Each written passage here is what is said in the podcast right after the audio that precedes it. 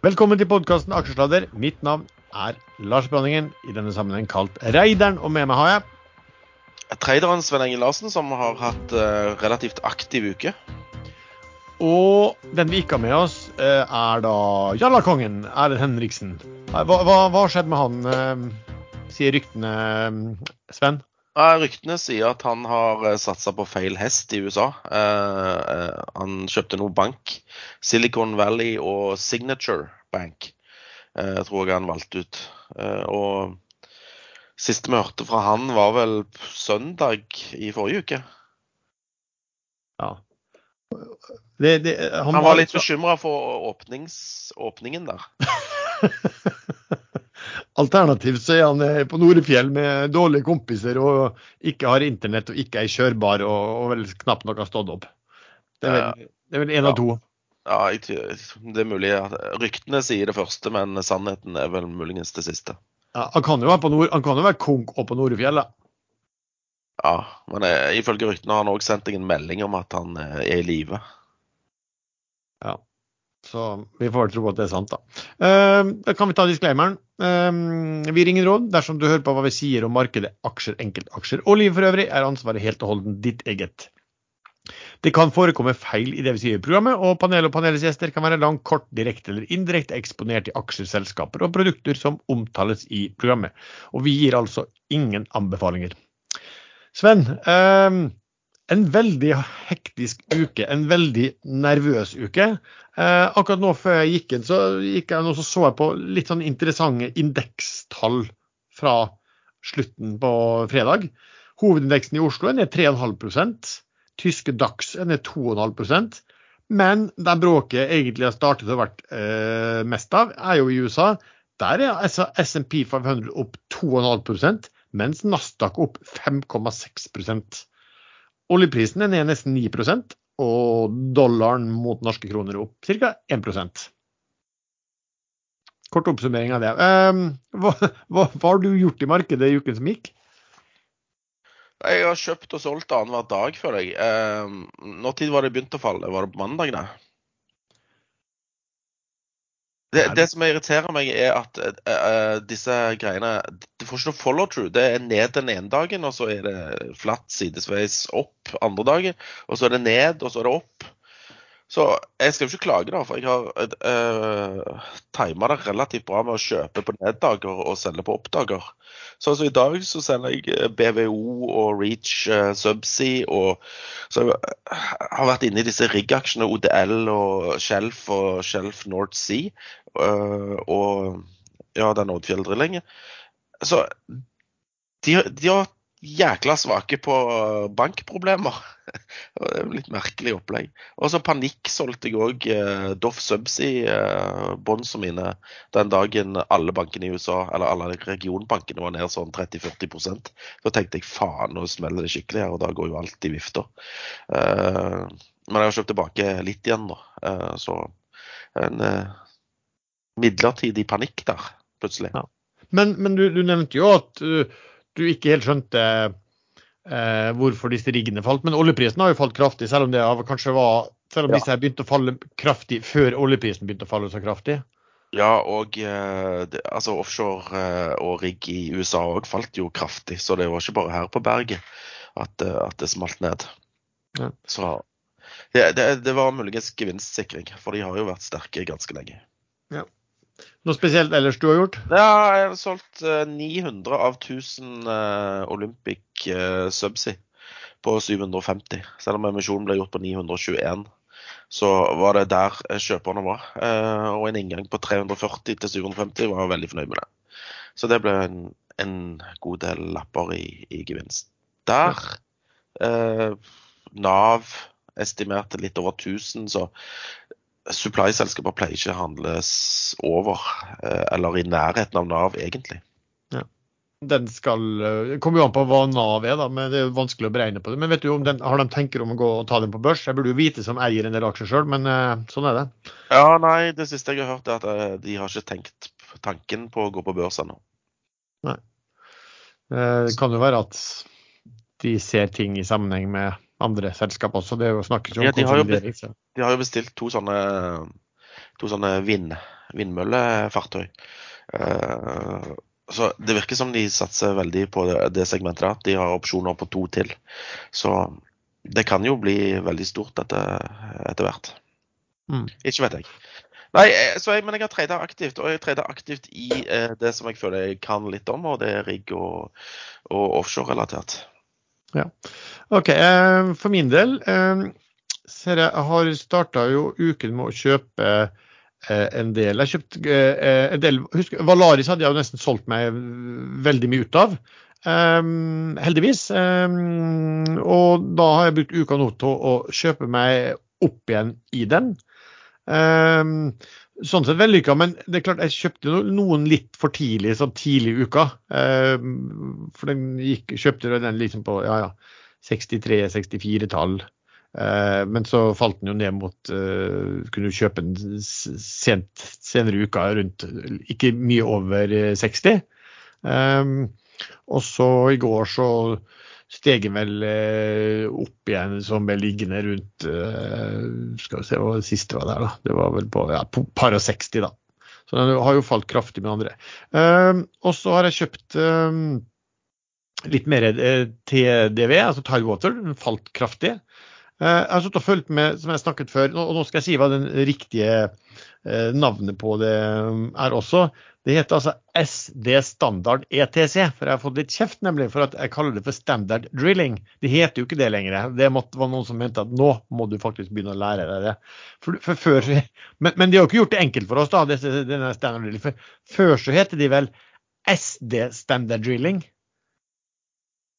Ja, jeg, jeg, jeg, lurer på hva, hva med de SD, SD-tikkerne er jo fortsatt SD, SD. Ja. Så det er jo ikke så rart, da. Men uh, hvis det skal være helt riktig, så heter de nå SD Standard. Og, altså ikke drilling, men halvparten, en tredjedel av selskapet består av eierskapet i drilling. Selskapet. Ja. Sånn er det. Uh, ja, det ble jo dumpa litt i uken, ser jeg. Så uh, har også kjøpt litt og solgt litt. Økte litt i Sibex når den falt langt ned på 390-tallet. Og så solgte jeg ut alt jeg hadde i Hafnia. Um, den har vel kommet opp tilbake. Hafnia skal jo inn i OBX fra mandag, så den får kanskje et lite rønn i dag. Ja, og den, hva ligger den på nå? Jeg følger jo ikke med på den lenger. Ja, den, ligger på, den, ligger på, 61. Det var der jeg solgte den på 61,1 eller noe. Altså det var liksom, Om man har gjort noe smart der, det ville jo gudene vite. Det var bare litt for det var, det var jo de dagene det, det, var så stor usikkerhet. Og så så jeg også at det kom uh, melding om at Hafnia og noen andre hadde bestilt noen, uh, bestilt noen nye fart, fartøy. Og så er alt, og da er man alltid litt sånn var. altså Ja da, det er kjempegodt og alt gull og grønne skoger. men man begynner å lese om at det kommer liksom ti bestillinger på ti nye, så ja, så, så, så vet jeg ikke Altså, det, det, som jeg også registrerte, var at noen av disse fartøyene som ble bestilt, det var altså egentlig fartøy som var bestilt som containerskip. Eh, og så da har de blitt eh, avlyst, da, og så blir det, blir det bestilt eh, så, sånn at også den tesen om at nei, men eh, vi kan ikke få altså det kommer ikke noen ting fordi at verftene er fulle og sånn. Ja, men hvis plutselig verftene sier at uh, altså de, de, som har bestilt containerskip ikke vil ha sine slots, og man kan eh, bygge andre typer altså tankers i stedet, så, så er det ikke sikkert at det, det står seg så lenge. Så det vil sikkert være god inntjening framover, men hvor lenge det, er, det vet jeg ikke. Og når det var så usikkerhet, så, så pælma meg den ut. Men jeg har alltid likt Eide Hafnia, så jeg kommer sikkert ja, fort inn igjen. Uh, og så har jeg kjøpt en god del uh, denne Biofish. Det var vel egentlig du og Erlend snakka om i forrige episode. Den ja, jeg har òg kjøpt den. Der kom ja. jo uh, Endelig kom disse her 15 millioner uh, reparasjonsemisjonsaksjene. Det, det, var en uke forsinka i Brønnøysund der. Uvisst av hvilken grunn. Men den kom. Jeg fikk òg plukka på rundt 1,07,5 til 1,08 og nå er han 1,15. Ja, jeg var mer ivrig enn deg, for jeg har vel plukka på rundt 1,10. Eh, en, en, hel del. Altså Det som var litt rart, er jo at eh, altså, um, man får reparasjonsaksjer på én krone, men, man hadde jo, men før det så sto jo kursen i seks kroner. Så jeg tror vel jeg regna på at snittkursen på de som fikk de aksjene Altså hvis, hvis, du satt på én aksje før, og så fikk de de antall nye, så lurer på om snittkursen da ble to kroner eller et eller annet. Så det er jo ikke sånn isolert sett noe sånn jippi, vi må selge disse aksjene for de som fikk reparasjon. da. Uh, men noen har i hvert fall smelt ut der, og ja, kommer det noen nyheter i stad som var bra. Så har jeg vært tredje ganske vellykket i Archer. Eh, for der ble jo emisjonen gjort på én krone. ble snakket om at det var en, mm, at eh, aksjonærene ble flådd. Men den falt jo en av disse dagene ned til 0,9495. Eh, så jeg kjøpte der ut igjen på 1,06, tror jeg faktisk skjedde samme dag. Ja, da var, da var du flinkere enn meg, for jeg òg kjøpte på 0,949 og solgte på 0,999. Ja, sånn er det. Og så har jeg kjøpt deg tilbake Archer i går på 0, litt under 0,97, og så solgte jeg det i dag på, med, med et øre kanskje i gevinst eller noe sånt. Syke moves i den, da. For uh, dagen etter emisjonen så var den jo på 1,60. Og ja. alle, var, alle var kjempebull. Og så alle. kommer det noen kommentarer i Finansavisen, og så faller han under krona når aksjene blir tilgjengelige. Så var jeg inne og kjøpte um, Aker BP. Jeg kjøpte en ganske mye Aker BP, men den heiv jeg heldigvis ut igjen. For den hadde syltynn stopplås på den, så jeg tror jeg heiv den ut på, på uh, 70 øre lavere kurs og sånn, og syntes det hele så litt uh, ekkelt ut. Og så hadde jeg vært inne i noen Norske Skog som jeg hadde, som jeg også kvitta meg med. og, og greit det. Altså, jeg skulle kvitta meg med for lenge før, for jeg hadde jo egentlig tenkt å selge det bare som en trade. og ble sittende for lenge. Så det var noe tap man kan ta med seg. Da. Så Sånn er det av og til. Så for, meg, for min del har det vært sånn veldig hektisk eh, trading i forhold til hva jeg bruker. For, de, for din del, Sven, har, har, har, du, gjort mer, eller har det vært som vanlig? Nei, jeg har gjort mer enn vanlig. Eh, jeg var på en sånn aksjetilstelning på Hummeren hotell i Tananger her på onsdag kveld. Eh, og da var jeg rett og slett eh, veldig sliten i hodet.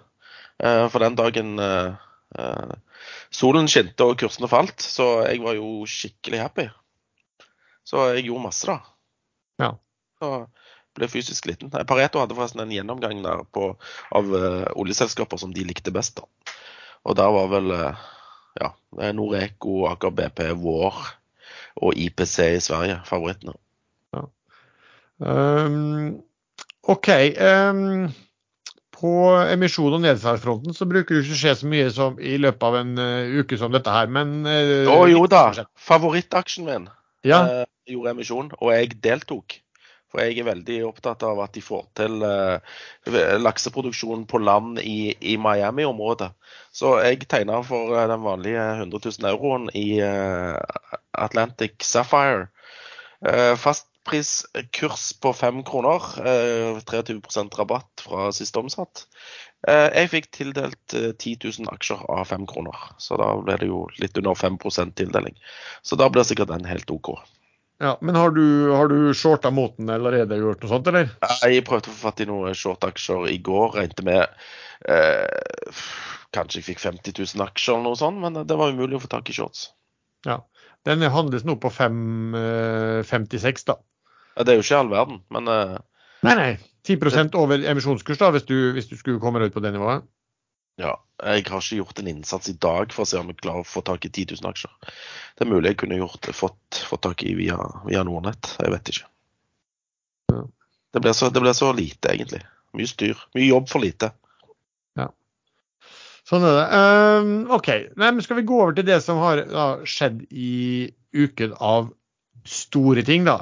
Um, bankproblemer er vel det, vi kan snakke om denne uken som er. Altså, hva, hva, hva, hva, er det egentlig som har skjedd? Vi begynte jo å snakke om det i forrige episode, og da var jo denne Silicon eh, Valley-banken.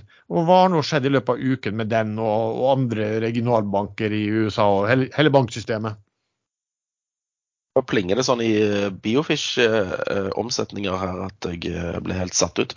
Uh, nei, uh, nei, hva har skjedd? FDIC, som er den federale innskuddsgarantiordningen, har tatt kontrollen over, uh, over Silicon Valley-banken og Signature Bank.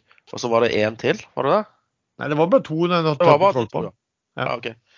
Eh, og så har det vært eh, bankrun hos dette First Republic, som eh, ble meldt redda av andre større banker i går. Eh, ja, nei, det er generelt dårlig stemning i regionalbanker og, og Credit Suisse, som ble eh, kortsiktig redda av den eh, sveitsiske sentralbanken. Ja, ja for det, altså vi, vi, var litt inne på det i forrige episode, at uh, altså det er noen sånne rare regnskapsregler. og, og at på mange måter så var jo den der, En ting var jo den der Silicon Valley, som, som for alle praktiske former var, var, var, fikk lov til å fortsette å være bank, selv om de re, på mange måter var konk. Uh, fordi at de hadde eiendeler som ikke var men, i, i balansen. Ja, som hadde ja, Statsobligasjoner som skulle holdes til eh, innløsning, altså hold to maturity, HTM. Ja. Men det var jo opplyst i regnskapsnotene til denne banken her eh, lenge. Ja. Før noen gadd å lese de. Så det er litt merkelig. Ja, altså Det fascinerende her er jo, det er jo at uh, det var vel var, var det ikke sånn at uh, nesten alt av uh, analytikere hadde kjøp på dette her. Og du, også, Jeg har vært bankanalytiker før. og hvis du må selge en asset som er, høy, som er høylikvid, og du og det at du må selge den innebærer at du er konk, da er det ganske merkelig å være bull på den. Og, og, ting, og også de ratingselskapene altså de, de, sov jo helt i timen. Selv om de fikk vel varsel i, noen dager før om at de var, var tenkt eh, nedgradert. Og så er det jo også da regulator også. Altså Hvordan kan en regulator la eh, en sånn bank som denne Silicon Valley få lov til å holde på når de får når, når, de på regnskapsregler som gjelder hva skal si, vanlig børsnoterte selskap, reelt sett var konk, det, det, det er et mysterium. Um, for det er jo sånn på bank da, at banker driver jo de har, de har per definisjon lav egenkapital. Um, så bare sånn, sånn eksempel, av DNB som vel uh, snakker om at de har en kjernekapitaldekning på 18 eller et eller annet sånt. Men det er jo for at de, de, de får lov til å vekte uh, ulike lån uh, etter hvor, hvordan risiko det egentlig er. Så hvis du bare ser på den vanlige soliditeten, da, sånn som man regner på et vanlig selskap, så har uh, DNB f.eks. egenkapital på 8% Og disse her amerikanske har jo da selvfølgelig mye, mye mindre enn det. Så, så den var det. Men har du fulgt med da hva som har skjedd med den der? Det er jo to som har vært i søkelyset etterpå. Da. Det er jo den derre First Republic, og så det en som heter Western Alliance eh, Bank Corporation, WAL, som tikker. For jeg vet jo mange på ekstremester har jo trada disse her som bare juling i uka som gikk. Ja, tøffe, tøffe folk som tør. Eh, jeg har holdt meg unna. Men jeg, eh, jeg, um, jeg føler det er Europa-banker som fikk det. Ikke så mye som store banker i USA, egentlig. Pga. dette Credit Suisse-greiene i Europa. Eh, så føler jeg at bankene i både Tyskland, Frankrike, Italia og Spania fikk bank, eh, rett og slett. Ja, for, at, og, for de, amerikanske, ja. de, amerikanske, myndighetene har egentlig vært ganske raskt på ballen her når de oppdaga det, det, det problemet i den Silicon Valley, og hva som kunne skje med andre?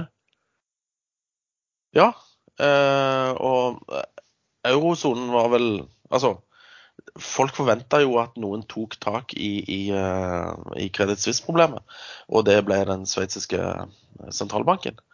Uh, men problemet til Credit Suisse, jeg tror ikke det er, fortsatt er løst. Det er liksom plaster på et åpent sår her. fordi jeg kikker nå på, på Altså, banken er prisa til 8 milliarder euro. og de har visstnok en derivatbok på 600 milliarder euro. Uh, og det er der hele problemet til uh, Credit ligger. Den eksponeringen som de har, uh, som ingen vet egentlig hva er. Det er vel kun de sjøl som vet, vet, hva de har i, i, i, balansen sin. Ja, og, det, og her kommer litt av problemet. at når noen har en enorm sånn derivatbok, så har du jo også motparter. da. Ja, det er, der, det er, jo derfor hele europeiske bankvesenet satt og skalv i uken. Ja. Eh, så ble det jo liksom beroliget av at eh, Sveits eh, stepper inn og, og, og, og, gir de kortsiktig 50 milliarder euro i lån. Ja. Eller sveitserfrang var det vel egentlig. Ja. Men jeg tenker sånn som amerikanerne har gjort det, er egentlig ganske en fin måte. De sørger for at innskyterne beskyttes. Aksjonærene taper pengene som de skal gjøre. Eh, ledelsen permes ut. og så er det, Jeg vet ikke hvordan det skjer med disse ansvarlige lån og obligasjoner, og sånn, men per definisjon så er jo de fort tapt, eh, de også. Altså Dette er jo liksom tekstbook måte å sørge for at, um, at det her ikke sprer seg, at du får sånn bankrun overalt. Uh, pluss at du kan ikke si at du, du har blitt beila ut. altså En vanlig innskyter blir på mange måter ikke beila ut på den måten uh, når aksjonærene taper alt, vil jeg tenke. Hva tenker du? Nei, jeg tenker det er vel sånn det, sånn det bør være. At innskyterne får tilbake pengene de eh, har skutt inn. Og de som eier, eier det som går i vifta, de, de, taper alt. Problemet til en bank er jo da selvfølgelig at du sier at du tar imot 100 millioner kroner i bare sånn veldig enkelt, ikke sånn det fungerer, men Du tar imot 100 millioner kroner i innskudd, og så låner du 100 millioner ut til boliglån. Eh, og så kommer innskyterne og vil ha tilbake 100 millioner. ikke sant? Eh, og hva da? Du, bankene vil jo per definisjon ikke ha de midlene. Det er jo ikke sånn at, du kan gå, at alle kan møte opp på hovedkontoret og få pengene med en gang. for da har, da har de jo, nei, nå, nå, tuller du. fordi at alle banker har sånne hvelv. Og så åpner du hvelvet, så ligger det masse sånne pengesedler inni der. Ja, merket. Så alle, alle, har skutt inn. Innskuddene ja. ligger der, så du bare går og plukker. Det er sånn det virker. Det har ja, jeg lært skuffa, skuffa med Sven Egil Larsen, liksom. Der ligger dine penger. Ja, der ligger det. Altså kommer jeg med bankboka mi, liksom. Den røde, og så viser og så, jeg, så står det at jeg har eh, 100 000 kroner i den banken. Så kan jeg bare gå inn og få konvolutten min. Ja. Men det, det, her er jo liksom hvorfor det blir så, blir så farlig da, når man får sånn bankrun. Altså Credit Suisse er litt interessant. for at, altså, Nå har de vel derivater, da, og sikkert, du ser sikkert ikke det på balansen. men balansen deres var dobbelt så stor under finanskrisen. Og det, det, her, det, her, har jo vært litt sånn krisebank i mange år. Jeg har aldri sett skikkelig på det, men jeg begynte bare å, å se på regnskapet nå. og Det var egentlig litt sånn fascinerende. For at de har liksom en stor wealth management som de tjener penger på. De har en stor vanlig bankvirksomhet som de eh, tjener penger på. Og så har de en stor investment bank, altså på en måte meglerhus, da, som de taper noe enormt med penger på. Og jeg liksom, OK, hvordan klarer de å tape så mye penger på jeg, jeg, jeg, jeg tror jeg så i fjor, da, eh, Credit Suisse sin investmentbank. investment bank, de hadde 70 høyere driftskostnader enn inntekter. Og i, i, og i, fjerde kvartal så hadde de tre ganger så høye kostnader som inntekter. Altså i en investeringsbank. Så et eller annet må jo være riv ruskende galt Eh, kunne du liksom se, se, for deg at uh, Sunndal Collier eh, drev med tre ganger så høye kostnader til ansatte og andre ting enn en inntekter? De hadde jo tilpassa det med en gang. Så, men det kan jo fort være at det er Kanskje det, de har en del de, derivat uh, posisjoner. Da, det, det, er jo ikke bare de som sliter. Du har sett på Deutsche Bank òg har vært sånne drag eh, siden finanskrisen. De har aldri vel egentlig fått rydda opp i det de burde ha rydda opp i. Nei. Nei, men kredittvis har vært verst, da. Men, ja, ja. Det, men det, er liksom, det, er vel litt sånn som du sier, at man vet ikke helt hva som, eh, hva som ligger bak der og i derivaten. Men, men, men når, når, du liksom, når jeg bare satt og så på de delene her, så tenkte jeg liksom eh, Hva er problemet? En, en, investeringsbank som ikke tjener penger, eh, og som tydeligvis har positiv egenkapital. OK, enten tjener penger, og, eller så tjener vi ikke penger, og så må vi bare kaste ut så og så mye folk eh, inntil vi tjener penger. Eh, og så kunne man jo tenke seg at den eh, bankvirksomheten deres, eh, som var mer som boliglån, står på egne ben. da. Men, men det, det, er litt sånn det er alltid litt sånn lettvint å se sånn skjematisk ut fra hva som kan gjøres. Det er jo ikke, sikkert ikke noe dommerne som, som, sitter der, så det er vel en grunn til at de ikke har tatt de takene som, som burde vært tak. da. Men jeg burde spørre han, Husker du når vi var på den Pareto Offshore-konferansen oppe i Holmenkollen? Når vi hadde middag da på kvelden, da, så han som jeg trodde var Bjørn Sakrisson der til, til, å begynne med, han jobba jo for Credit Suisse som sånn Welt-manager. Ja. Vi burde huke tak i han og spørre hva faen er det som skjer. Ja, det, det, kan vi gjøre, men han jobber jo for et område som, som, som faktisk tjener penger, da, og som er lønnsomt, ikke sant? Ah, ja. Så, ok. Så, han... så wealth, wealth, management, det, det, er, en, det er en, tydeligvis en, en, bra business. Ok, Så det er investment banking som går dårlig? Det er investment banking som er helt skrekkelig. Som, som det er de som, som trekker, altså de andre, de, Alle de andre delene gikk jo med overskudd. Fine overskudd. Mm. Um, eller fine, i hvert fall med overskudd. Um, mens den tapte noe Ja, tapte noe Tapte mye, mye mer enn hva hele resten av konsernet klarte å produsere. Ja, jeg tror ikke problemene er over der. Eh, det er kun et plaster på et åpent sår. Og noen spekulerte jo i at UBS, Union Bank of Switzerland, var, skulle liksom være den eh, eh ridderen eh, på den hvite hesten eh, som skulle komme og redde Credit Suisse. Men de uttalte midt oppi problemene at de hadde nok med seg sjøl og sin egen organiske vekst. De så ikke etter noe oppkjøp.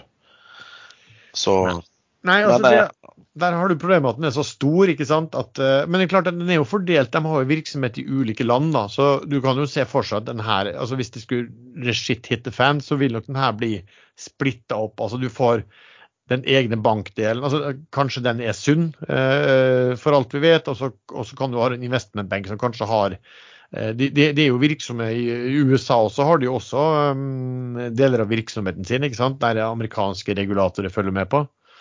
Så Nei, eh, altså den er De har i hvert fall vært sånne problemområder. Og det sier jo litt at UBS de, de nekta vel enhver. De vil, vil ikke ha noen ting med den banken å gjøre i det hele tatt. Uh, det har vært mange skandaler, og de er sikkert redd for at det ligger en del sånn en del skjulte ting der, tenker jeg. Uh, prises for øvrig på Når jeg så på den litt tidligere i uka, så priset den at til ca. Uh, under 0,2 ganger bokført egenkapital. Så, som tyder jo på at man Løp og kjøp. Ja, men tyder jo bare på at, folk ikke, at man tror ikke på det som står i bøkene der. Um, alternativt så plutselig så kan det være noe hvis, hvis noen finner en interesse. Men jeg, hele opplegget slår meg som litt, ja, litt merkverdig, egentlig, på, fordi at man skulle tro at investmentbankvirksomheten burde være den enkleste å få fikset på en måte som gjorde at du enten vant verden null og gikk i null, og da, da ville jo resten av konsernet gjøre det bra. Eller ikke. Eller få solgt. Jeg vet ikke. Men du har ikke vært frista til å være inne og trade noen av disse bankene? Nei, jeg kunne sikkert gjort det i gamle dager, men jeg, eh, når du ikke har oversikten og ikke peiling egentlig på hva, eh, hva som skjer, eh, så, så, holder jeg meg unna. Jeg har, har jo vært bankanalytiker og er jo født inn i bank, så sånn sett så, så kunne jo kanskje treida litt på at, at, man kanskje kunne lese en del av disse regnskapene på mange måter. Hvor, hvor utsatt var de egentlig på innskudd? Men, men, du vet jo ikke hva som foregår. Og det du vet at ting kan gå veldig fort når man begynner å miste eh, innskudd. Så, så, her var det egentlig sånn at du, måtte veldig sitte og følge med på nyheter fra minutt til minutt hvis du skulle kunne trade den på en, en skikkelig måte. For jeg, for jeg, så jo de på ekstrainvestor som tradet den. Det var jo liksom opp 20% 30% på fem minutter og ned like fort igjen. Det gikk jo en voldsom rutsjebane. Halve, halve newsfeeden min i Infront Aktivtrader var jo uh, post for volatility-meldinger på disse regionalbankene. og open, reopen-meldinger. Ja. Så det, det, var, det var slitsomt å ja. ikke trade det i, uh, i tillegg. Nei da, du skal følge med, og det, og det er jo sikkert mange som har syntes det var interessant å kjøpe den der Silicon Valley Bank også.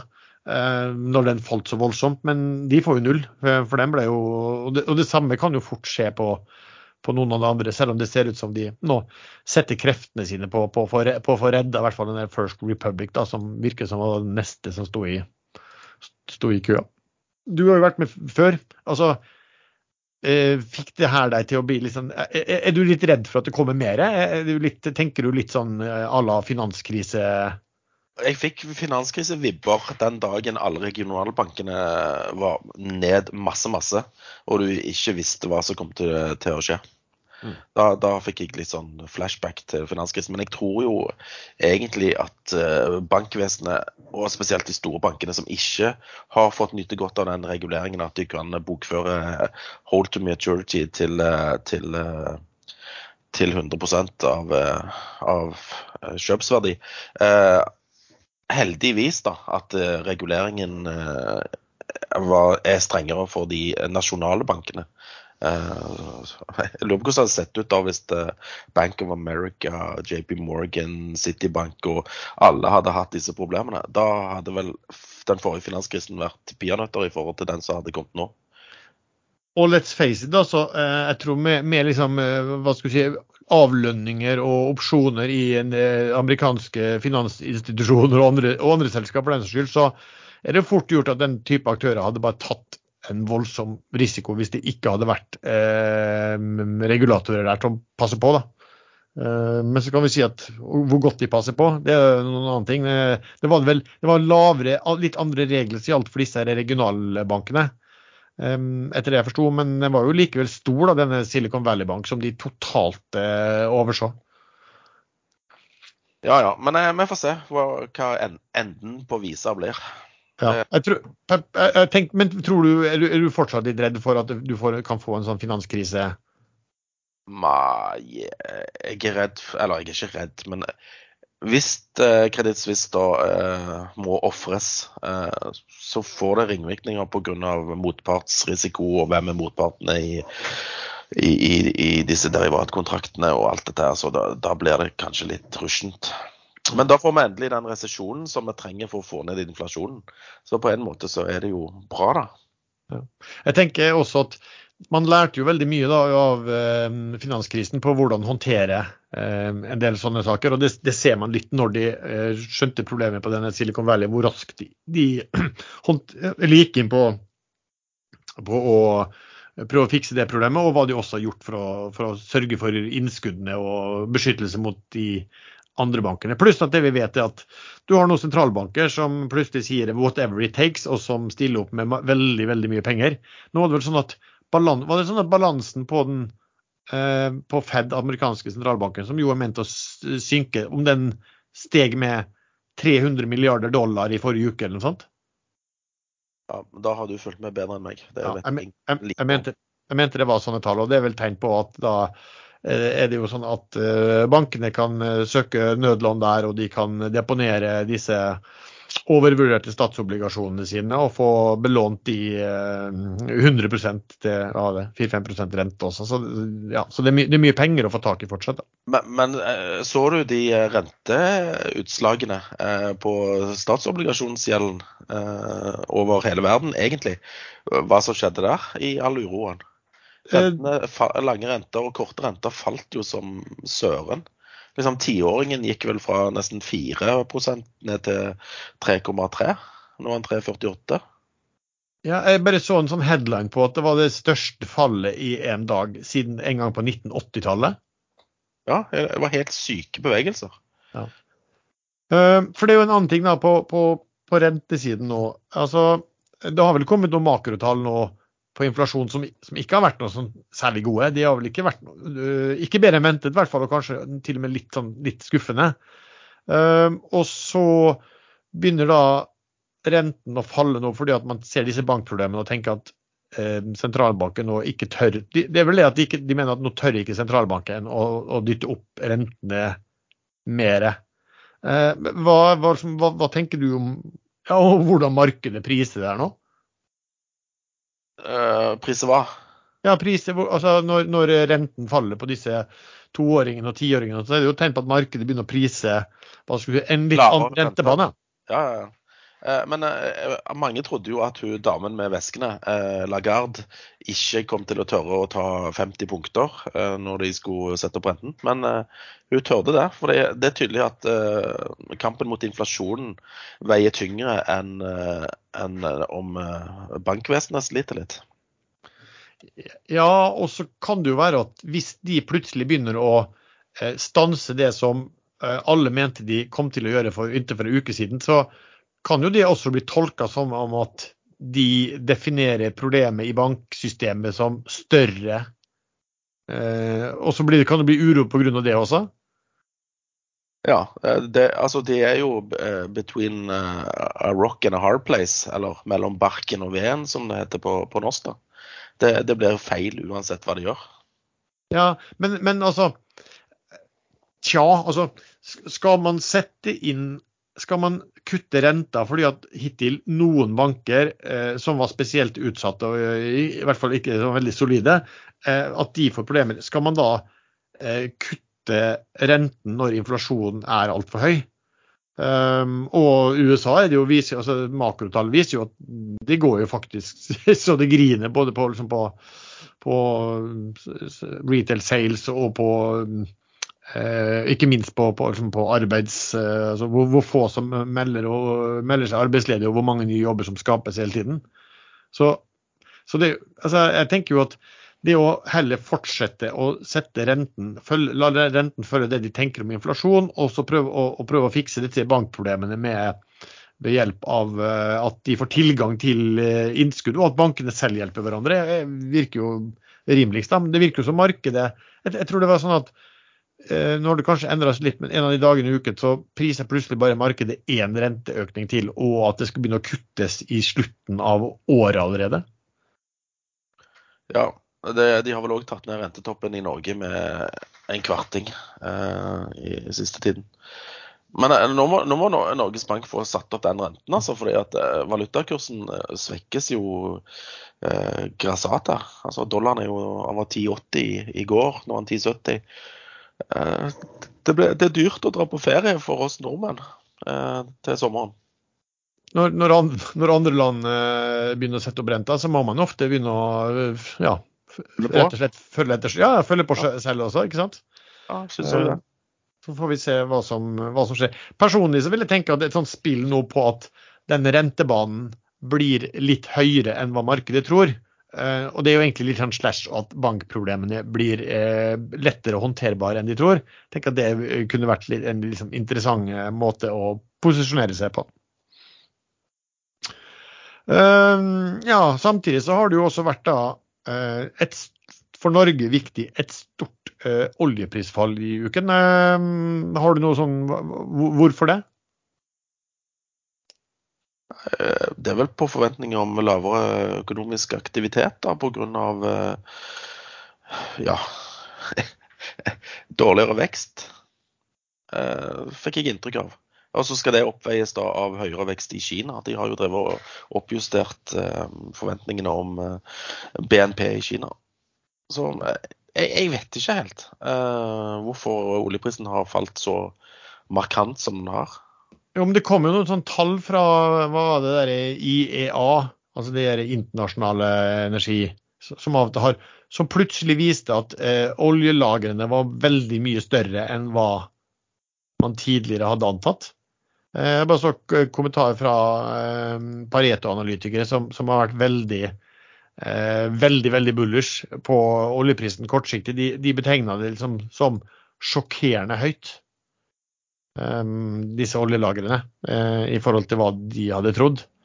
Så det er vel, det, er vel, ja, det og kanskje kombinasjon med at eh, med, med, alt det som skjedde med bankene, og at man begynte å tro på mindre økonomisk aktivitet og sånn også. Som, eh, men, men som sagt, den derre der, man, man, burde jo kanskje begynt å solgt det man hadde innenfor oljerelatert når man så det, de her tallene, oljelagertallene kom, men eh, ja, så smart er man jo ofte ikke, da. Og de, ting kommer jo fort tilbake igjen også.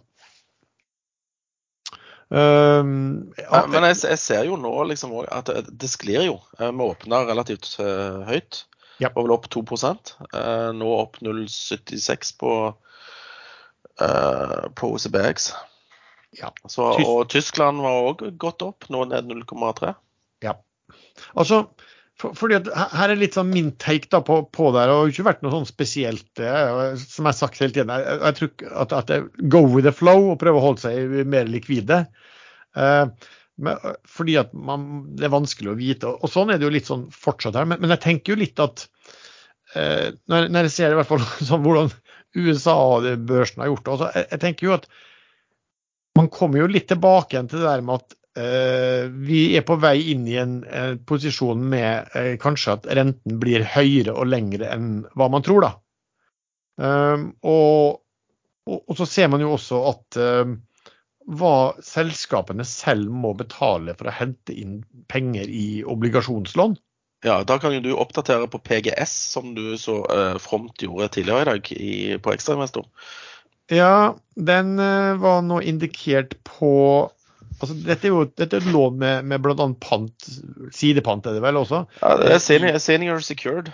Ja, altså det er en sikret lån, da, det vil si at du har pant i uh, flåter og en del andre ting. Um, og den er på 450 millioner dollar. Uh, og der uh, vil altså rentekupongen være 13 til Nei, tre, ja, 13 til 13,5 eh, pro anno. Og i tillegg så utstedes lånet på 98% av, eh, av pari, holdt jeg på å si. Pari er 100. Så du har 2% ekstra der. Ja, ja, fordelt på fire år, da, kan du si. sånn sett. Men si at den er, du er oppe, på- fort oppe på 14 av reell rente eh, på den. Når, når du snakker om paret, bare så folk skal forstå det, så er det sånn at pålydende på det lånet som du kjøper er på 100 kroner, og det får du også rente etter, men du, slipper, du trenger ikke å betale mer enn 98 da, i transaksjonen for det. Eh, og den er i dollar. Jeg, har vurdert sjøl å tegne meg på den, men, men alt, du sitter jo med en sånn dollarrisiko, da, så kan du ende opp med å ta dollarlån og alt det her i tillegg, men det er alltid litt sånn kronglete. Um, har, har du tegna deg inn, eller? Nei, jeg har ikke tegna inn. den. Det er jo ja, Jeg vet da faen. Jeg, det, jeg syns det høres horribelt dyrt ut. Og når du vet at PGS alltid går konkurs når, eh, når ting går imot, så ja. Du vet jo hvor dette ender, egentlig. Ja. Tja, kanskje. Du vet jo aldri. Nå er det jo Nei, nei. mange som spår at det blir veldig Men gode tider. det er jo billigere for de å, å bare ta opp lån i Bank Norwegian enn det å så få tak i dette obligasjonslånet. Ja, ja. Det er ikke sånn Der, der, der, eh, er, du, der er du usikra òg. nark, nark, narkorenter omtrent på når du er oppe på 14 eh, rente. Og, og det er klart, men, men altså, hvis du var institusjon og vurderte om du skulle kjøpe aksjen, eller om du skulle, kjøpe, eller om du skulle mm, få 14 på et sikret lån, så må jeg jo si at, eh, at jeg ville absolutt gått for, eh, for uh, lånet. Altså Risk reward ser jo mye bedre ut der. Helt uh, relativt enig der. Ja, apropos rente. Det er jo, en, det er jo mange som, som, som hører på hva vi snakker om obligasjoner. Du har jo snakket en god del om det, for du bruker jo å være ganske aktiv i, de. Er du, er du noe er du inne i noen ting av de obli- obligasjoner nå? Du hadde jo solgt Doff Subs, sa du. Og, og Ja, jeg har ser tilbake litt Doff Subs, men jeg har en del mindre eksponering nå. eh, der, Så jeg, jeg kommer til å bli med på den, eh, eh, den gjeldskonverteringen til aksjer. Eh, nei, jeg har eh, PT ingen obligasjoner, bortsett fra de, eh, den konvertibelen i Aega, tror jeg. Eh, jeg har en del sånn junk som er skikkelig junk, som ikke gir noe rente. da. Som egentlig eh, ikke er verdt så veldig mye.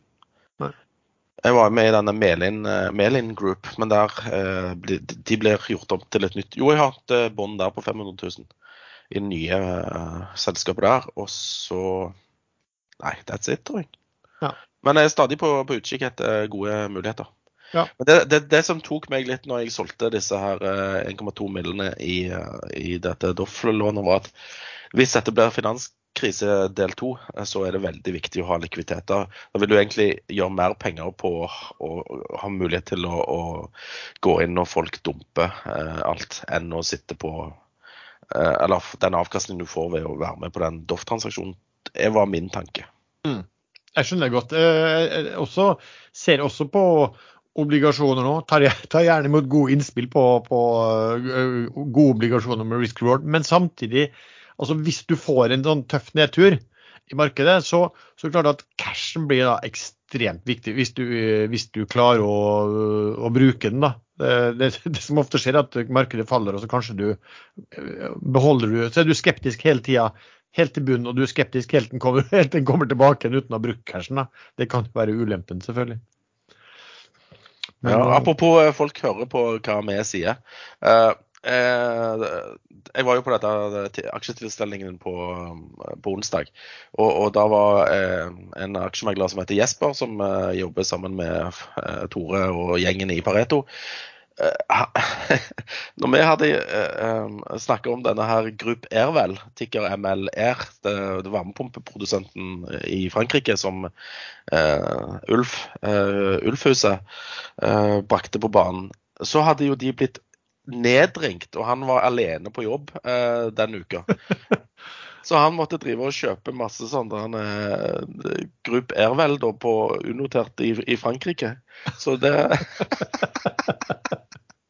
Så han var Jeg vet ikke om han var fornøyd eller misfornøyd, men han, eh, han mente i hvert fall at det medførte ekstra arbeidsmengde på han når vi, når vi tok og snakket om sånne obskure ting. Det var vanskelig å få tak i. Den eh, så forresten på den, den ligger på ja, fem kroner, den, og den eh, gruppe... Ja, eller euro, som det kalles i Frankrike. Euro, det er riktig. Den er på fem euro i Frankrike. Vi har som vanlig fått inn en god del eh, spørsmål eh, fra lyttere. Og da gjelder det å finne noen, da. Um, her er en som skriver at han mener at det, hva synes vi om at det kommer opp eksperter med dommedagsprofetier? Hver gang børsen faller 3-4 på noen dager. Sven? Ja, det var meg, eller Erlend. ja, jeg tror han mente Ja, Erlend, men jeg tror jeg, Nei, når du, sier, når du sier Sven, altså, var det noen andre her, liksom, nå? Eh, noe jeg har gått glipp av? Det var mer om du skulle kommentere. Ja, det var, ja, det, ja. Hvem andre kunne det være? Uh, nei, uh, nei, men det er jo vanlig, så det er jo ikke noe nytt på den fronten. Så noe må jo avisene fylle spaltene sine med, så bare get used to it, liksom. Ja. Men det er når det, når det er hovedoppslaget uh, på vg.no, da er det på tide å kjøpe.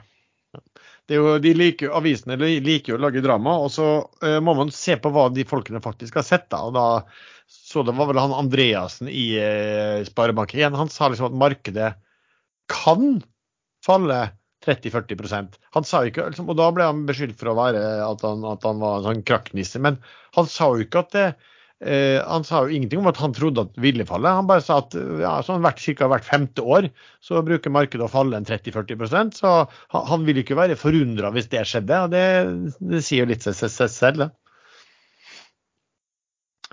Um, her er det da om uh, Syns du at man nå bør kjøpe, selge eller holde aksjer? Og har du noen gode alternativ til vanlig kjøpesalg av aksjer? Det var et eh, for meg litt rart spørsmål. Det som jeg er opptatt av nå, det er å ha eh, likviditet. Og som òg veldig mange banker er opptatt av for tiden. Det å kunne eh, slå til hvis det byr seg gode muligheter. Så jeg, det må være eh, det må være eh, hovedregel. Alltid ha midler til å være, være med på gode muligheter. Det er viktigere enn å Altså, for all del ikke sitt støkk i dritt. Eh, for det er veldig vanskelig å, å komme seg ut av når verden raser, liksom. Da ja. ja da, blir, da, blir, da, blir, da, blir, biddet borte. Ja, venstresiden har forsvunnet, liksom. Ja. Tenk hvis vi kunne si det i det virkelige liv. Venstresiden er borte. Det hadde vært fornøyelig. Men ikke i aksjemarkedet. Der eh, er vi veldig eh, avhengig av eh, en, en, aktiv venstreside i ordreboken.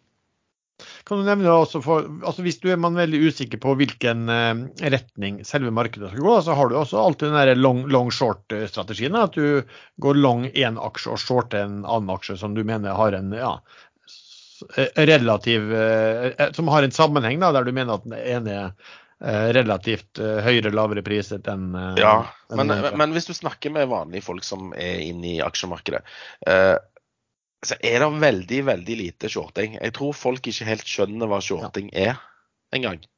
Hvordan kan du selge noe du ikke eier, liksom, og alt den der biten der.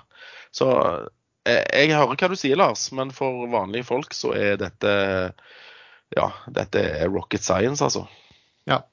Og det er jo, det er jo grunnen til altså at man, man skylder altså det med å skylde på shortere for, for, for, at aksjekursen eh, de sitter i faller, det, det stemmer jo veldig sjeldent. Og så er det jo også at, men også at kan man jo se av liste fra Finanstilsynet, så er det jo, du må jo melde inn hvis du, er, eh, altså hvis du har en short som er over 0,5% av kapitalen i selskapet, eller aksjene så må du melde inn. og Da er det en del som mener at de som dukker opp der, og det er jo ikke en grense hvor, hvor, idioter de er, men de har jo ofte da en, en lang posisjon. da, eh, i, i, noe tilsvarende. sånn at de, de, de, Du kan jo være short noe du har stor tro på, så lenge du er long noen ting du har enda større tro på.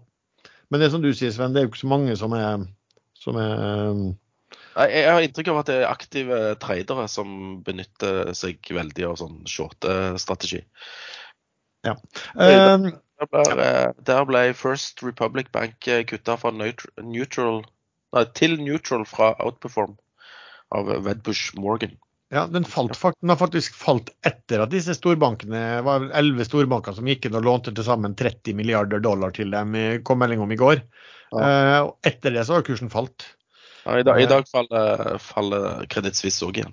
Ja. Ned 6 så uh, it's not over until it's over. Og, uh, så vi får se da, hva som uh, kan skje. Men det, det, trenger ikke være altså, at den der First Republic f.eks. faller.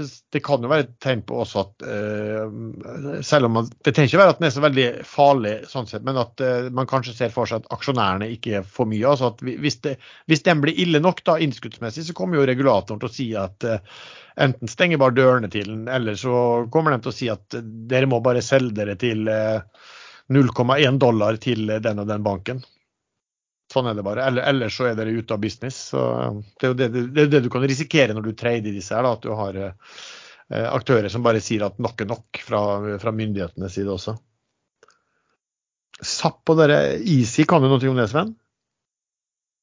Eneste jeg kan, er at eh, de ble jo eh, de, de måtte stoppe å selge laderne sine i Sverige, disse Easy pga. den jordfeilteknologien som de hadde benytta. Som ikke var mekanisk, men eh, eh det motsatte. Så jeg ikke vet hva jeg, jeg er ikke elektriker. Um, nei, kan veldig lite. Men jeg ser at uh, har hatt fest. Ja, så det kom melding nå i stad på Easy også at de permitterer nå ca. en tredel av de ansatte i Norge. Og så Eh, prøver de å levere i en midlertidig forføyning og anke på å forsøke å oppheve salgsforbudet som de har fått i Sverige. Eh, og Markedsdirektøren sier til E24 bekrefter selskapets markedspermittering og at det må hente oppimot 1 milliard kroner.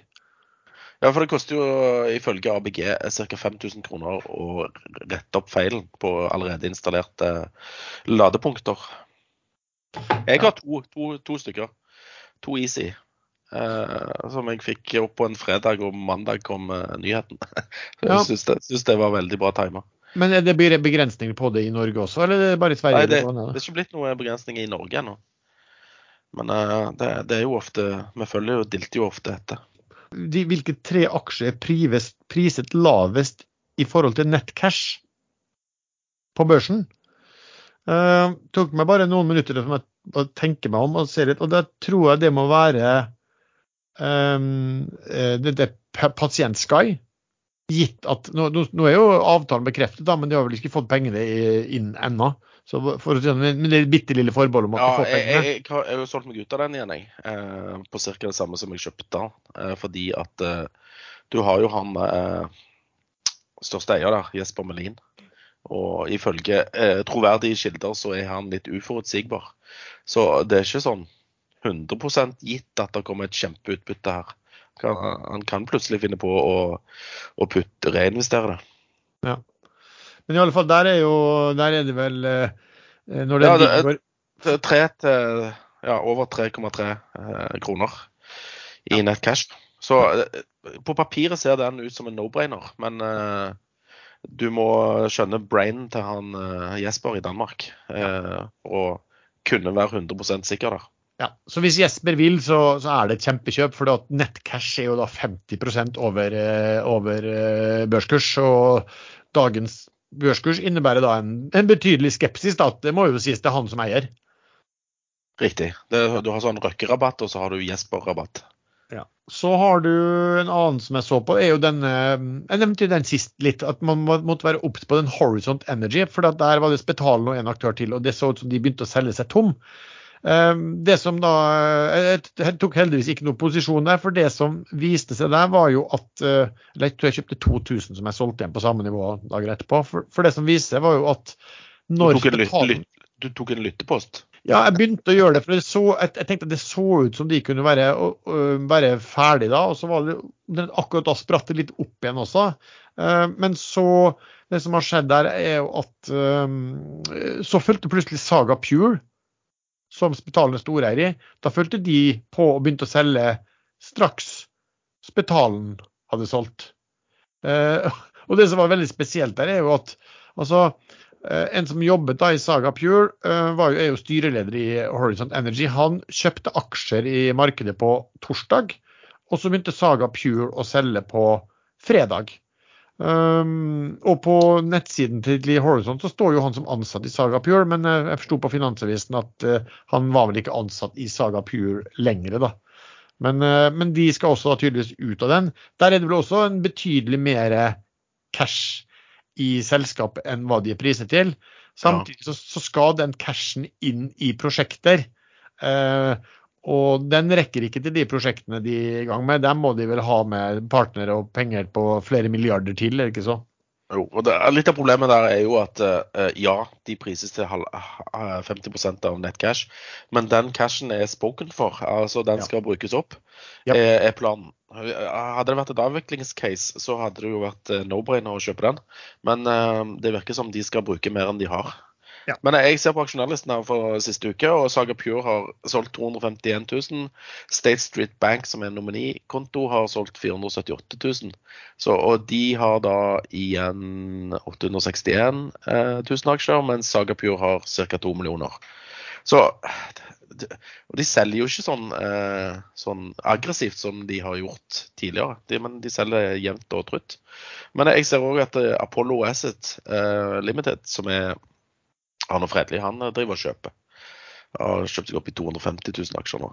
Og eh, eh, et selskap som heter Hcap AS, eh, det er vel en, en, god venn av oss, eh, driver òg og kjøper, kjøper, seg litt opp der. Ja, du kanskje følger med på hva, eventuelt eh, Fredelig gjør der, da?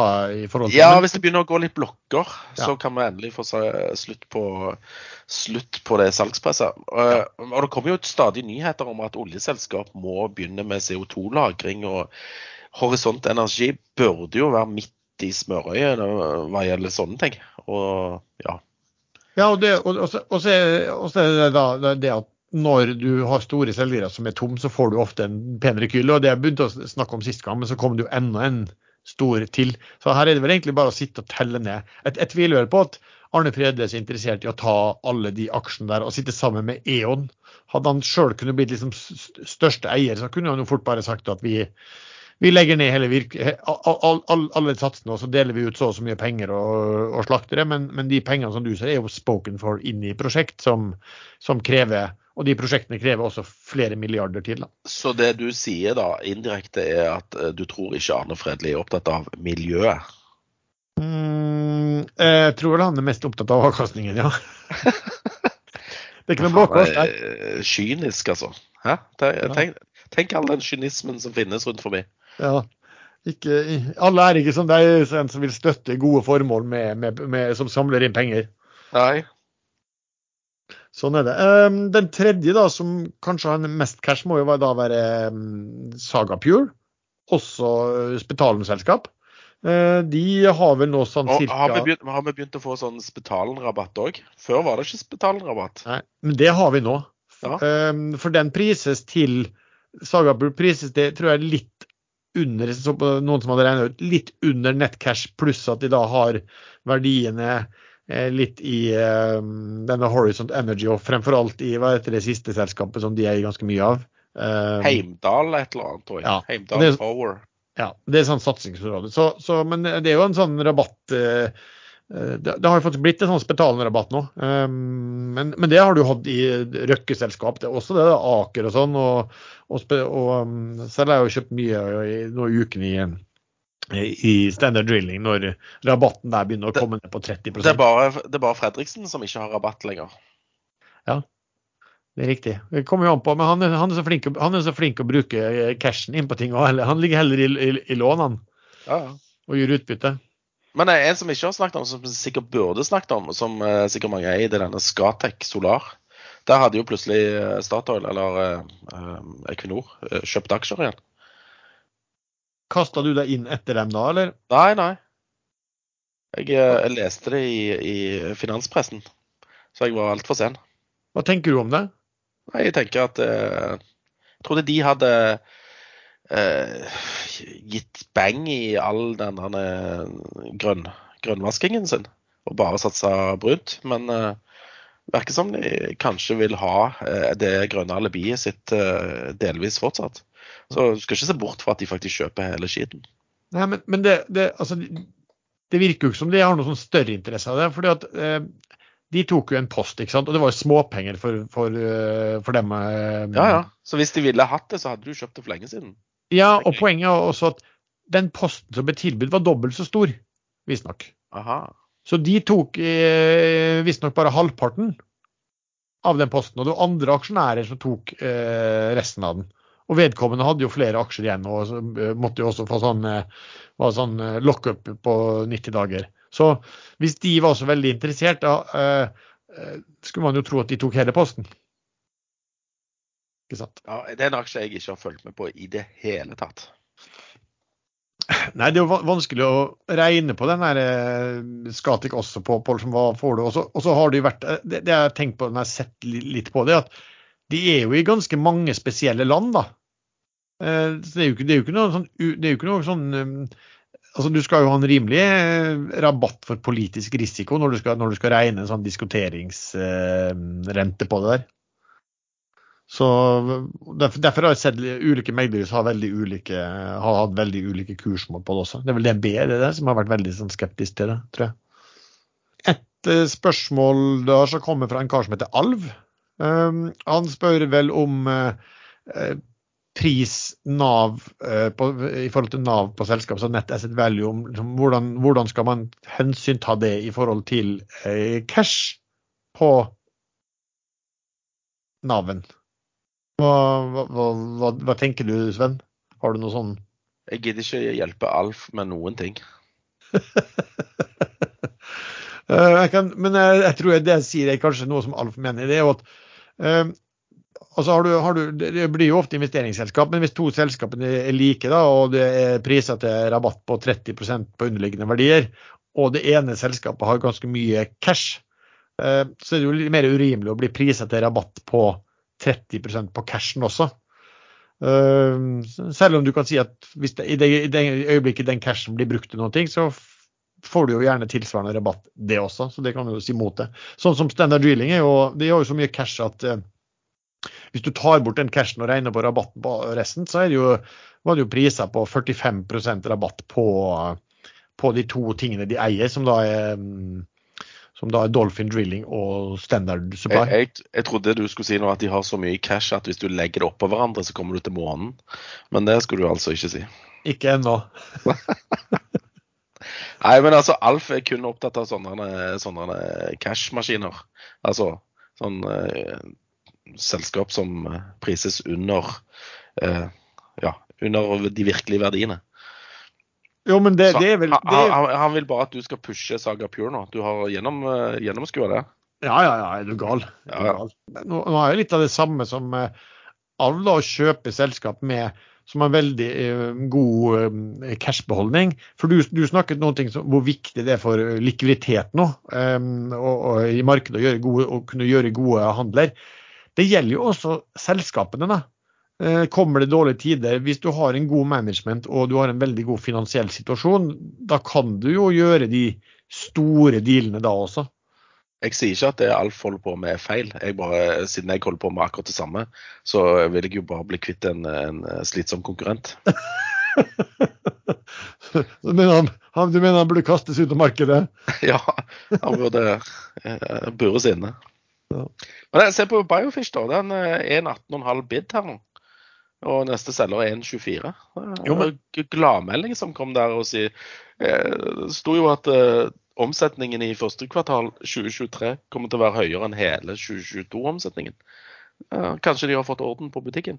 Ja, altså, Vi har jo snakka om den før, at hvis, den, hvis de får orden på dette, og det blir så bra som de håper på, så er jo det noen ting en som kan gå eh, veldig mye.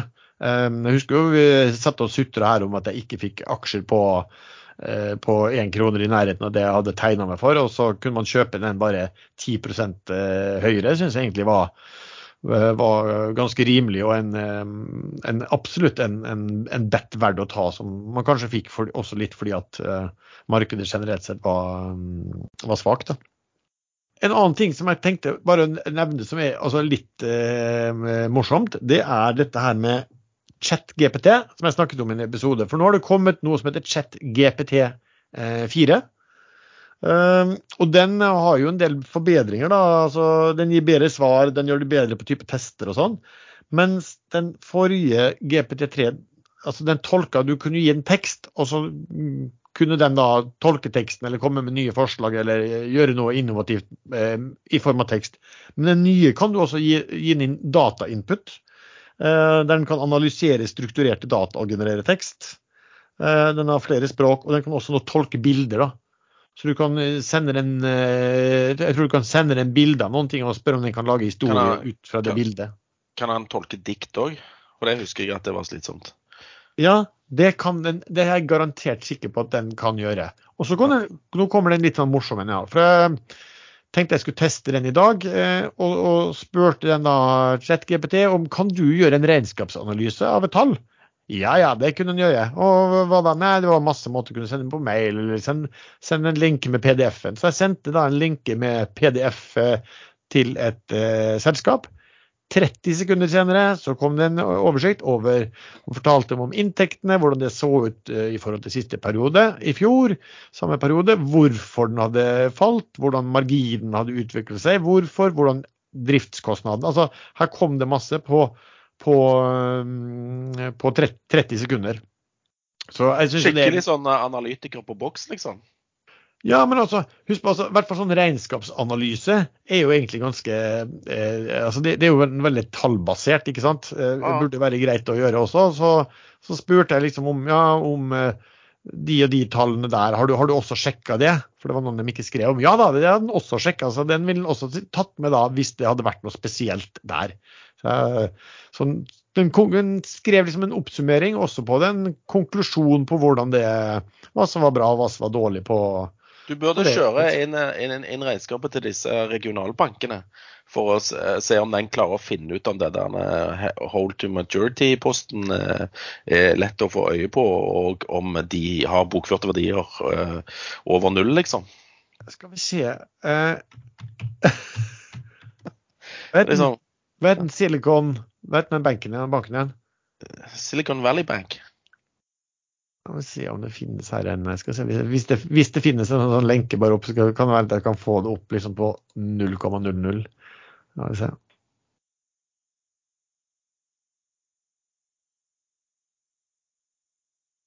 Certainly svarer nå på at den skal kunne svare på den. Det går bare litt sent i skrivinga. Here's a brief summary. Det er jo ikke sikkert de har det med sjøl i regnskapet engang, sånn i, i noten i et kvartalstall. Jeg vet ikke, skal vi se. Nå tok jeg bare kvartalstall.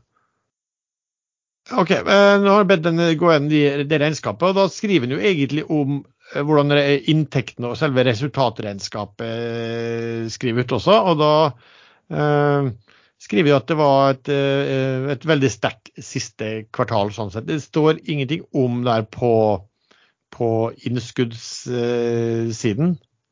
Det skal jeg si hvis jeg spør den. Spør om How about the hold to maturity bonds? Da spør han det, og så skriver han at uh, the earnings release does not provide specific information on SVB Financial Groups hold to maturity bonds. Ja, Så summerer han litt opp hva som står, hva, hva de har skrevet da, om Investment Securities Portfolio. Um, sånn sett da. Så den kan i hvert fall ikke finne at det, at det står noe spesielt i Nei, det Det var jo egentlig litt betryggende, det, da. Ja. På en men, måte. Men, men, i alle fall, det er utrolig, altså, det er utrolig interessant. fordi at det du ofte får, er jo altså, Si at det, kommer noen tall da, som, eh, fra når, når, det kommer kvartalstall. Så kan du også ta den, kvartals, den, den, lenken og maten inn der. Og så kan du få en sånn oppsummering av hvordan dette her ser eh, eh, i forhold til eh, i forhold til uh, hvordan, det har vært, hvordan det har vært året før, og, og liksom, om det er noen visse faresignaler du kan se etter, og forklaringer på at det har utviklet seg sånn og sånn. Så det er klart at altså, du Ja, analytiker Da får du plutselig litt annen jobb, for det er en del av dette her som blir veldig enkelt nå tilgjengelig for alle på en, eh, på en lett måte. Eh, og da blir det egentlig snakk om framtiden eh, til, til, til, selskapet også. Og fort, snart så kommer vel sikkert noe sånn chat-GPT til å ha en oppfatning om som, hvordan dette hvordan, hvordan dette resultatet dette selskapet kan ut, ut, utvikle seg i framtiden også. Så, det, men tror du ikke det, da, at det blir et veldig bra regnskap sånn, for sånn som oss, eh, Sven?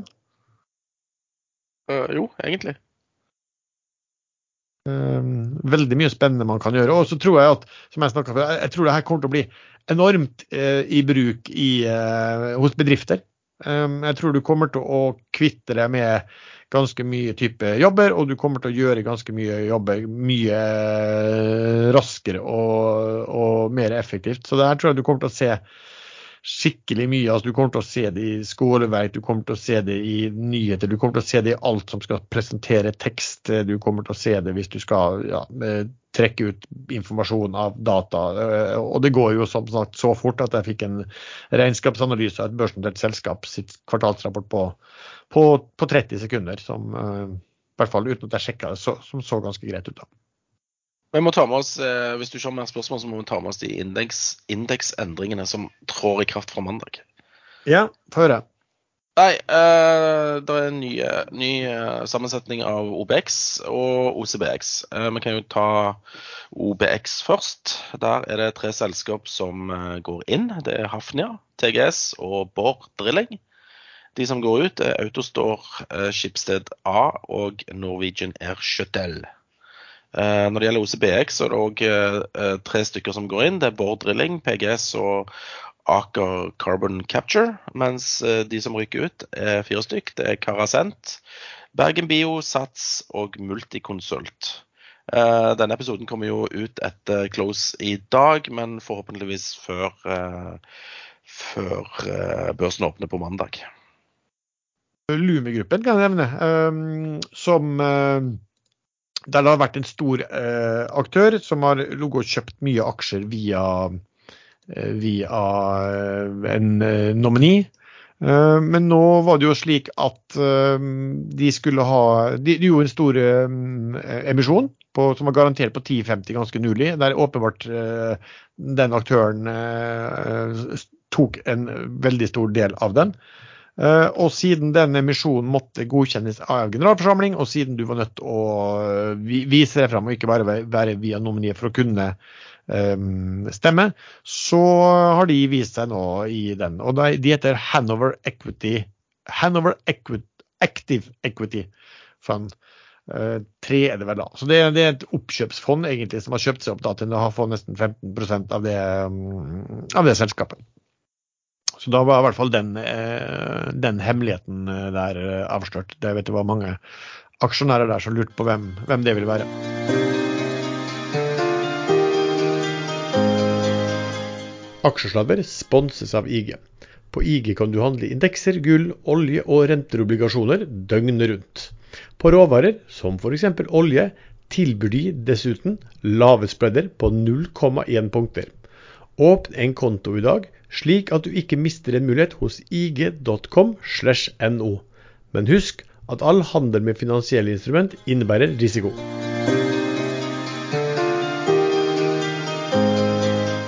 Er det noe mer du føler at vi skal um, snakke om, Sven, eller skal vi kaste oss over hva du har som uh, ukens uh, Eller om du har noen ukens favoritt? Nei. Nei, det er vel Men det meste er vel sagt. Nei, det er jo ikke det. Vi har jo bare sagt en liten uh, brøkdel av det som kunne sies.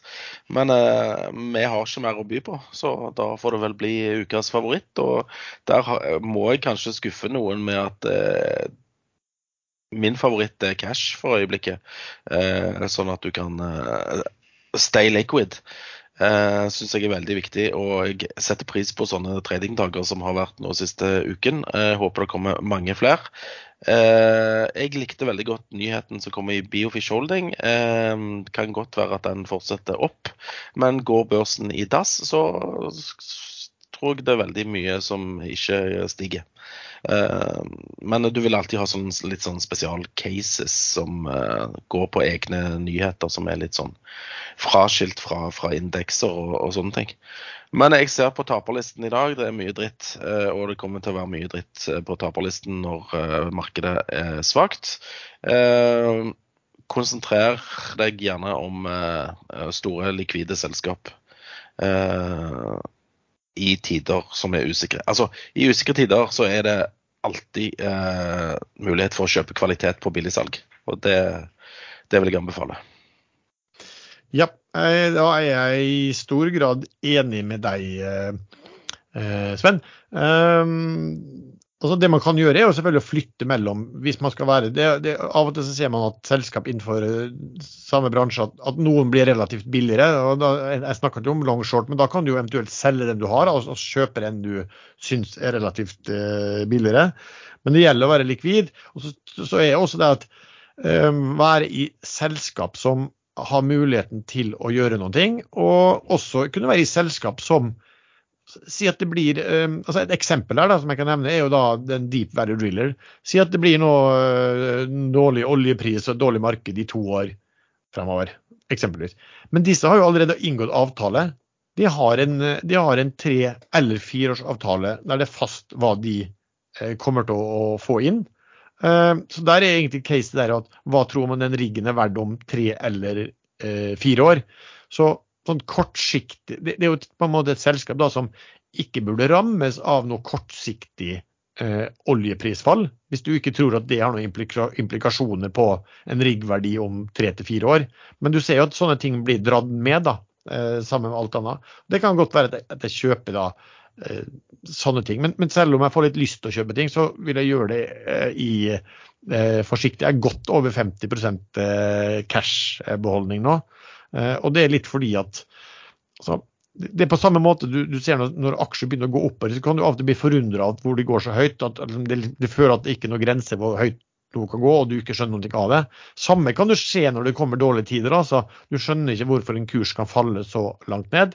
Men det er jo bare for at ja, folk vil ut, det kan være dårlig likvid ikke sant, eh, i den type selskap. Så også det at tar man posisjoner nå, så prøve å holde seg til noe som er eh, såpass likvid at du kan komme deg ut ganske fort da, på den eh, beholdningen din hvis det brenner. Jeg har nok mye av min portefølje i sånne nå, men jeg også, har jo også selskap som altså, eh, som vil være vanskelig å komme seg ut av eh, på en, eh, på en um, kortere, en kortere periode. Biofish er jo en som også syns jeg da, som Sven, verdt å nevne at de kommer med en såpass god avtale, og der vil det være eh... ja, det, er litt, litt sånn turnaround case og er litt ja. fraskilt fra hovedindeksen, liksom. Så vi får se hva som skjer der. Uh, det kan jo være at han faller i fisk, den òg, men uh, jeg ser her nå på den First uh, Republic Bank i, i førhandelen her. Ned 19% på at han ble redda av disse her større bankene. Så ja. ja, altså når gode nyheter ikke er gode nyheter likevel. Nei, et, det kom en melding også om det der SVB Financial. Det er jo det morselskapet til den der banken. Det, ja, de har, de har meldt chapter, chapter 11-prosess. Ja, starta det, ikke sant. Så Men uh, Indeksene sklir her nå. Dags ja. var nettopp 0, ned 01, nå er den 06. Yes. Oslo Børs følger på. oljeprisen stuper ned en halv prosent. Så vi er ikke ute av skogen ennå. Og med det så Men jeg, eh, Det var litt synd at Erlend ikke var med, fordi han var jo i forrige episode var han jo livredd. Så han, eh, han hadde kanskje eh, Litt eldre kar, vet du, så kjenner det på gikt da, når, ja. når ting eh, kommer. Ja, men det er riktig. Han, var, han, var, han var sterkt negativ, da. Men han er jo kanskje den som har, tatt mest Etter at han sa det, så er han jo den som har tatt desidert mest risiko av oss tre, da. Jeg kjenner ikke han rett, så sitter han i en eller annen eh, koie og trader disse regionalbankene på Nasdaq. ja, det tror jeg er en, eh, tror jeg er en god, god, sjanse for at han gjør det. Så, men nå sklir det jo, så jeg håper at han, vi får håpe at han er ute av, uh, av de. Og med det så takker vi så mye til deg som har lyttet på denne episoden. Du treffer stadig både meg og Sven og Erlend chattene inne på Ekstrainvestor. Vi har også en uh, gruppe med en, ja, jeg tror det var over 6000 mennesker stor nå på Facebook som heter podkasten Aksjesladder. Musikken er som vanlig laget av sjazz.com, og vi høres. Ja ja, da kom vi i mål likevel. Uten, uh, uten Gjellakongen. Jeg føler at tempoet i podkasten er mye høyere uten Erlend. Ja. Jeg tror, jo, føler han drar ned tempoet. men han er, han er, jo Altså, han er såpass tjukk, da, så det er ikke rart at han er litt treg òg. Nei, men jeg er jo òg relativt eh, stor eh, BMI. Eh, så, men jeg er litt raskere i snuten, føler jeg. Men det, er jo litt sånn uh, uvant for de som pleier å spille av dette på 1,5 ganger hastighet, som det er en del av. Jeg vet ikke hvorfor folk har det så travelt, men uh, travelt har de. Uh, det. Så når de spiller denne episoden i 1,5, så ja Da skal de være flinke til å, til, å, til å, høre hva vi sier. Ja, det kommer til å gå unna. Ja, ja.